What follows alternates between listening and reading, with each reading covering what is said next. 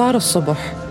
إجت سيارات ووقفت خارج القرية وسدوا علينا طريق الجبل. الوقت متأخر جدا. لا مجال للهرب. أغلق داعش على سكان كوجو الطريق.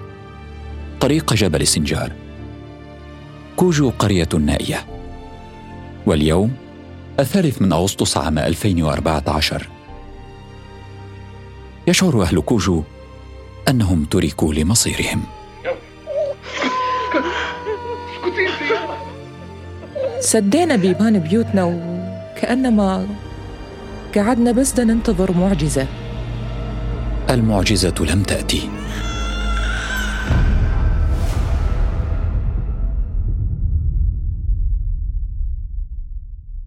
هذه حكاية من العراق. حكاية مجزرة.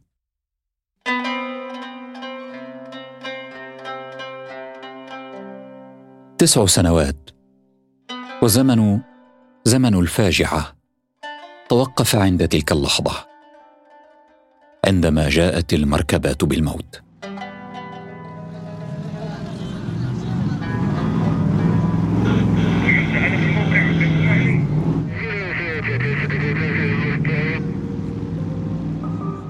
هو زمن الفاجعة الممتد في قلوب الضحايا.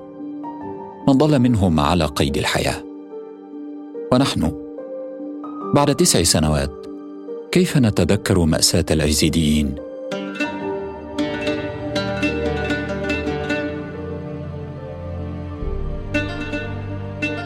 الزميلة ميادة داوود كتبت لموقع أرفع صوتك تقريرا من كوجو. يحكي بتفاصيل مباشرة وحارة. كيف نفذ داعش مجزرة هناك؟ قتل كل رجال وسبى الأطفال والنساء.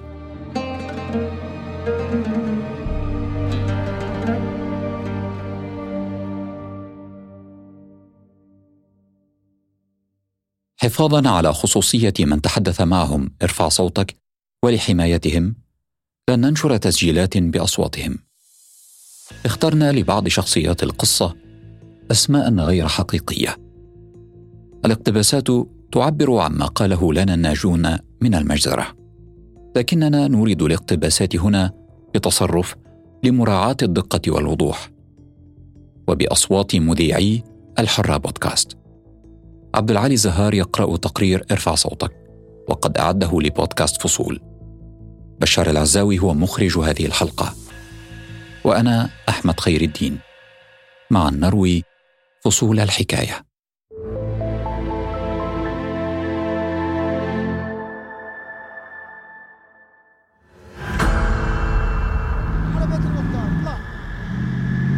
على أطراف قرية كوجو اصطفت سيارات داعش رباعية الدفع. سيارة منها قصدت ديوان مختار القرية أحمد جاسو. كان على متن هذه السيارة وفد يترأسه أحد أمراء داعش اسمه أبو حمزة. هلا بالشيخ. ينتظر المختار موجود. داخل الديوان. طمأن أبو حمزة مختار القرية؟ وعده أن الأذى لن يلحق أحدا من السكان. شرط أن يلزم الجميع منازلهم ويسلموا أسلحتهم. على مضض وافق المختار على شروط داعش. الكل لازم يسلم لي سلاح كل الأسلحة اللي عنده دور زين دور زين. والله سلاح. تدري بيك؟ لما بدأ داعش يجمع الأسلحة من البيوت. بنفس الوقت كان المختار دا يتصل ويطلب المساعدة. اتصل على الكل. اتصل على أعضاء بحكومة بغداد.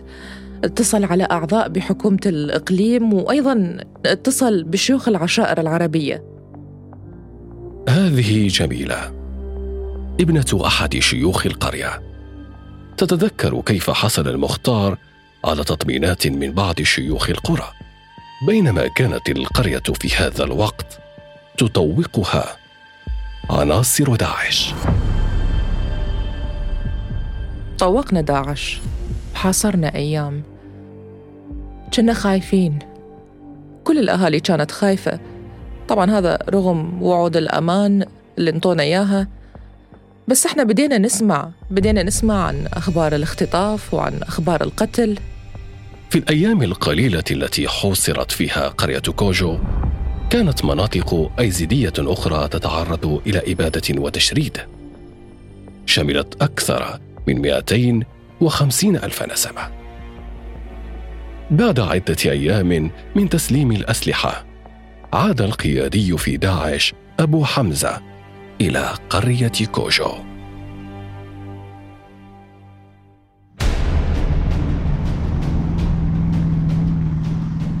كانت لهجته تختلف. وخيرنا إما ننضم لداعش أو ننقتل. الانضمام إلى داعش؟ صدم مختار القرية. في محاولة لكسب بعض الوقت طلب المختار مهلة أخرى.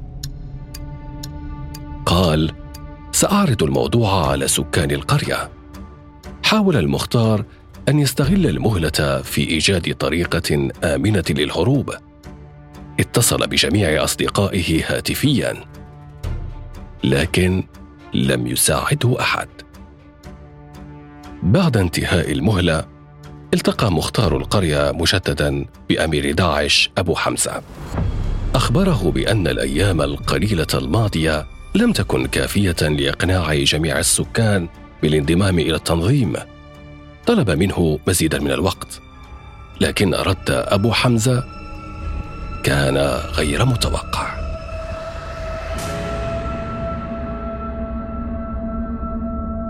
قال للمختار إذا إحنا أهل القرية يعني إذا رفضنا ننضم لداعش رح ياخذونا كلنا الجبل سنجار.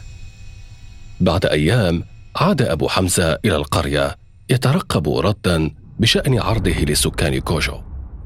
في ذلك اليوم خرج غاضبا من بيت المختار. لم تقنعه إجابات أحمد جاسو بشأن عملية فرار نفذها سكان قرية المجاورة. تدعى الحاتمية. اتهم أبو حمزة المختار جاسو بالتواطؤ وتوعده بالعقاب. أهل الحاتمية انهزموا بالليل وأبو حمزة قال للمختار هذا اللي صار مستحيل يمر بدون عقاب.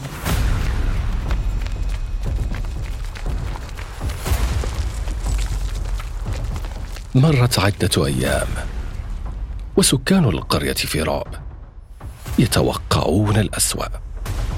من جديد عاد أبو حمزة إلى ديوان المختار.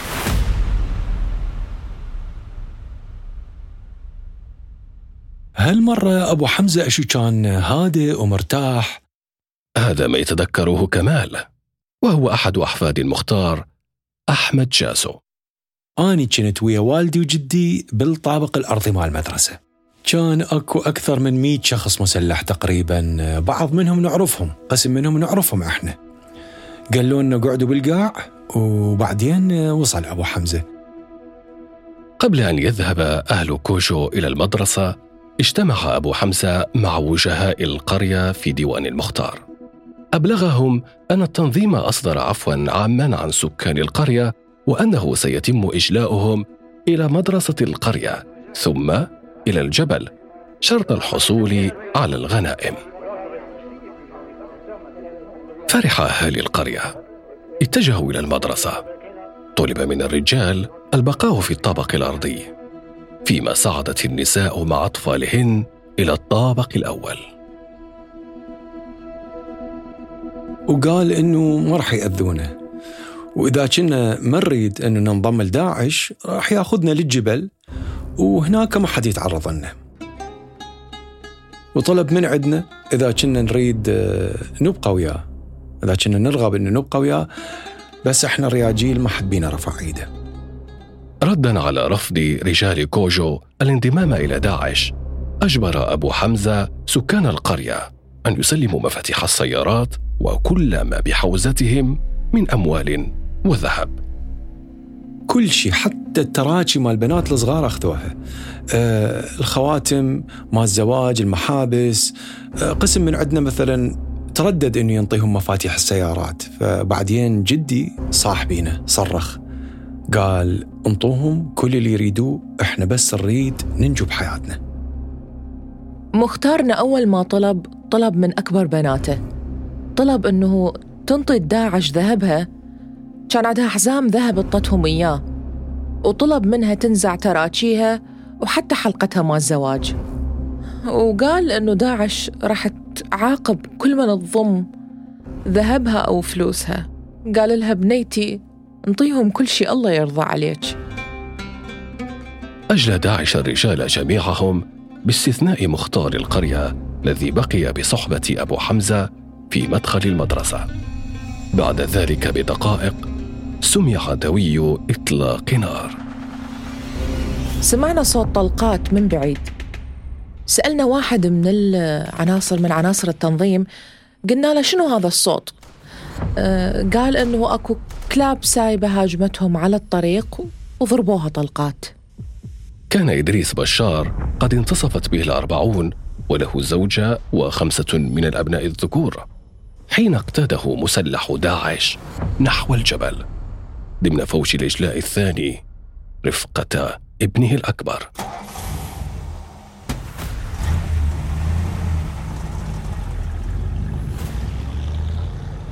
لما طلعنا من حدود القرية غيرت السيارة طريقها من اتجاه جبل سنجار إلى بستان بعيد وهنا عرفنا الخدعة وأنه هذا فخ لإعدامنا.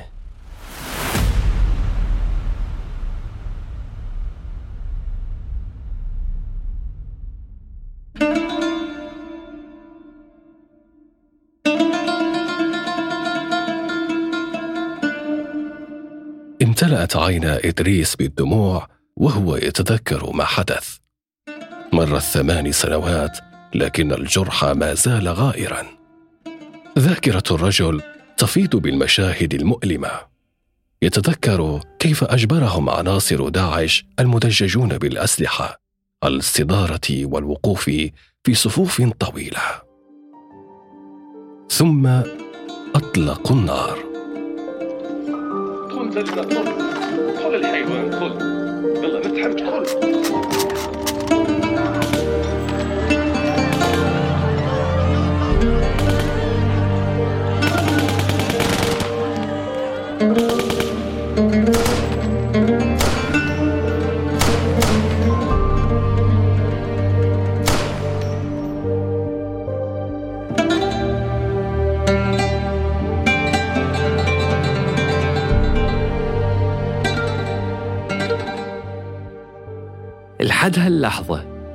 بعدني أسمع صوت الطلقات والبوش مال الطلقات من دا يوقع على القاع وصيحات وصرخات الناس من تموت الموتة الأخيرة وتكبيرات الدواعش.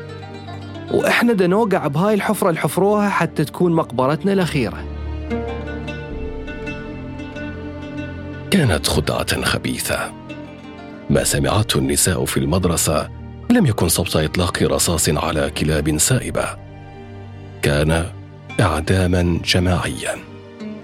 لم يكن في نية التنظيم إجلاء الرجال إلى الجبل اولا كما قيل.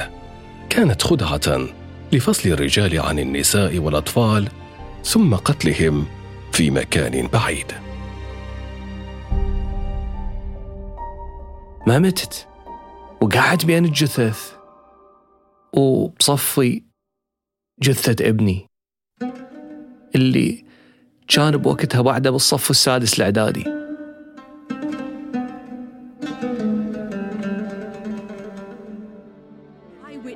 told us ISIS killed at least 50 Yazidi men here.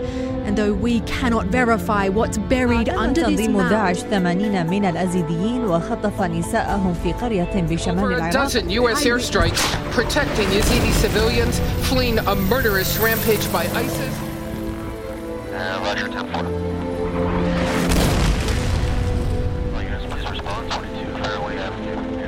حين بدا عناصر داعش في البحث عن ناجين أدرك إدريس أن نهايته اقتربت. لم ينقذه سوى هدير الطائرات في السماء. هرب أفراد التنظيم من الموقع عندما سمعوا الطائرات. انسحبوا. بعدين قمت أسمع أصوات. إحنا اللي ما متنا قمنا نزحف وطلعنا خارج الحفرة ووصلنا البيت مهجور.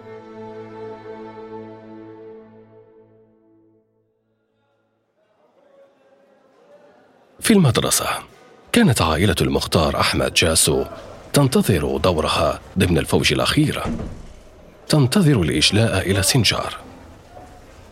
وكمال حفيد المختار الطفل ذو الاثني عشر عاما كان هناك. لزمت إيد أبويا وطلعنا فأحد المسلحين وقفني وقال لي آه ارجع للمدرسة. أنت أنت صغير بالعمر. فآني رفضت. بعدين رفع السلاح بوجهي ودفعني بقوة. ذاك الوقت ابويا قال لي إنه ارجع ارجع خليك ويا أمك. فآني يعني رجعت للداخل. لم يبقى من رجال القرية أحد سوى المختار أحمد شاسو. المختار كان قاعد كان قاعد على كرسي بغرفة إدارة المدرسة. دا ينتظر. إجوا اثنين صغار بالعمر مسلحين من داعش. واحد منهم حط إيده على كتف المختار وقال له يلا شيخ إجا دورك. نهض المختار مرهقا ممتثلا لأوامر المراهقين المسلحين. بإصبع جدي كان أكو خاتم محبس. جدي نزع المحبس بعدين المسلح آه، لزم إيد جدي ومشى وياه آه، للباب الخلفي مال المدرسة. هذه كانت آه، هذه كانت آخر مرة أشوف بيها جدي.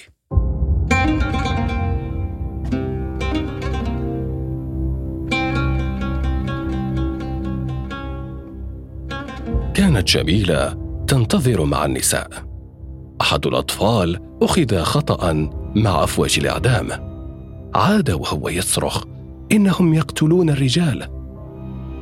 ما ردنا نصدق. معقولة؟ معقولة يقتلون كل الرياجيل؟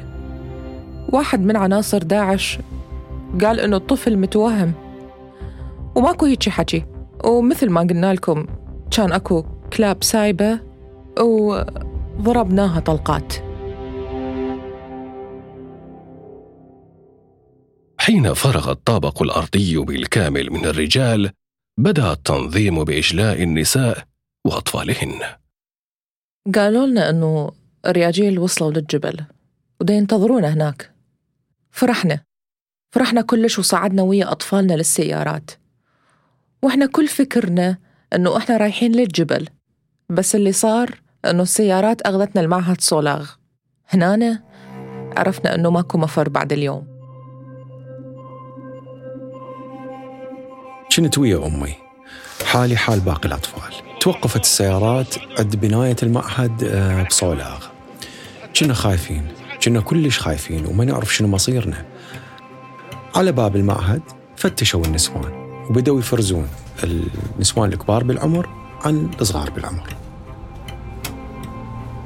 حين حل الليل حمل الأطفال الكبار في باصات ذهبت بهم إلى الموصل وتل عفر بينما ظل كمال مع والدته. وهكذا انفرد التنظيم بنساء كوجو وأطفالهن الصغار في بناية المعهد. ليبدأ فصل جديد. من المأساة.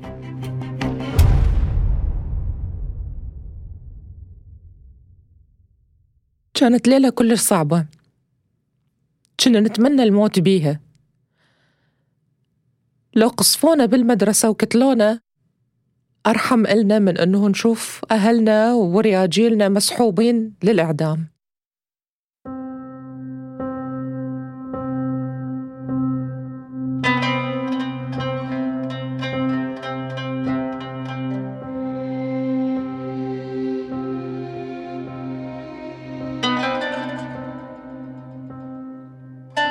عرفنا أنهم كتلوهم قتلوهم كلهم.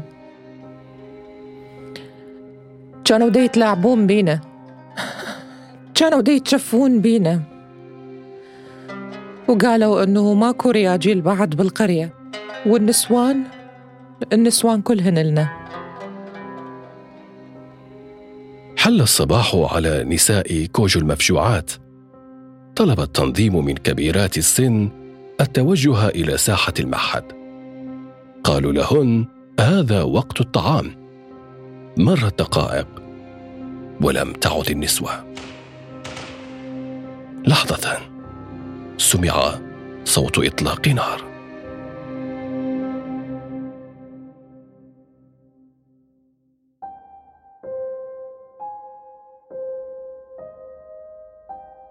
سمعنا صوت سمعنا صوت يمكن رصاصتين أو ثلاث رصاصات مدى أتذكر بعدين عرفنا أنه أغضوا الأمهات أغضوا أمهاتنا. خارج أسوار المعهد. ودفنوهن وهن أحياء. دفنوهن بحوض سمك بمزرعة مو بعيدة علينا. أما هاي الإطلاقات اللي سمعناها هي كانت بس للتخويف.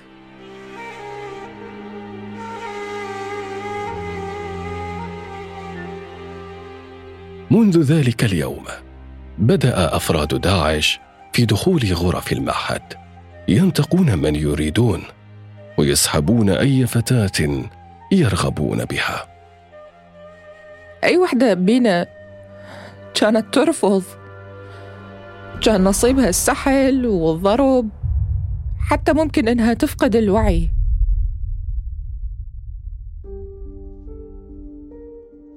الأطفال تم اقتيادهم إلى مراكز تدريب. هناك يتلاعبون بأدمغتهم. يجهزونهم للعمل الميداني أو ليصيروا انتحاريين. أما بنات شيوخ القرية فتم تقسيمهن بين أمراء داعش. بعضهن قتلن خلال محاولات للهرب أو خلال استهداف قوات التحالف لبيوت أمراء التنظيم.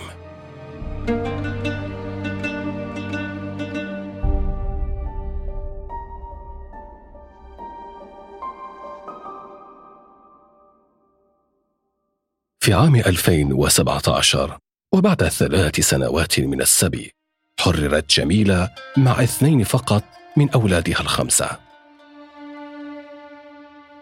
كمال حفيد المختار تم إنقاذه من مراكز التدريب التي خصصها داعش للأطفال. وإدريس بشار الناجي من المجزرة قضى عامين كاملين يبحث عن ما تبقى له من أبنائه وبالفعل أعاد ثلاثة منهم. أما قرية كوجو فلم يعد أي من الناجين إليها. كوجو صارت قرية أشباح.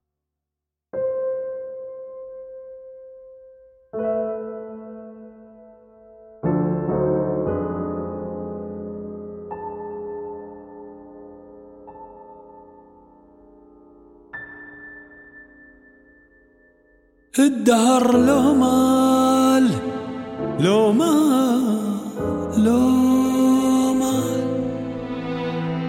يرشي في حروب علي وأنا اللي كنت بين ربعي كالورود كالورود أحسن.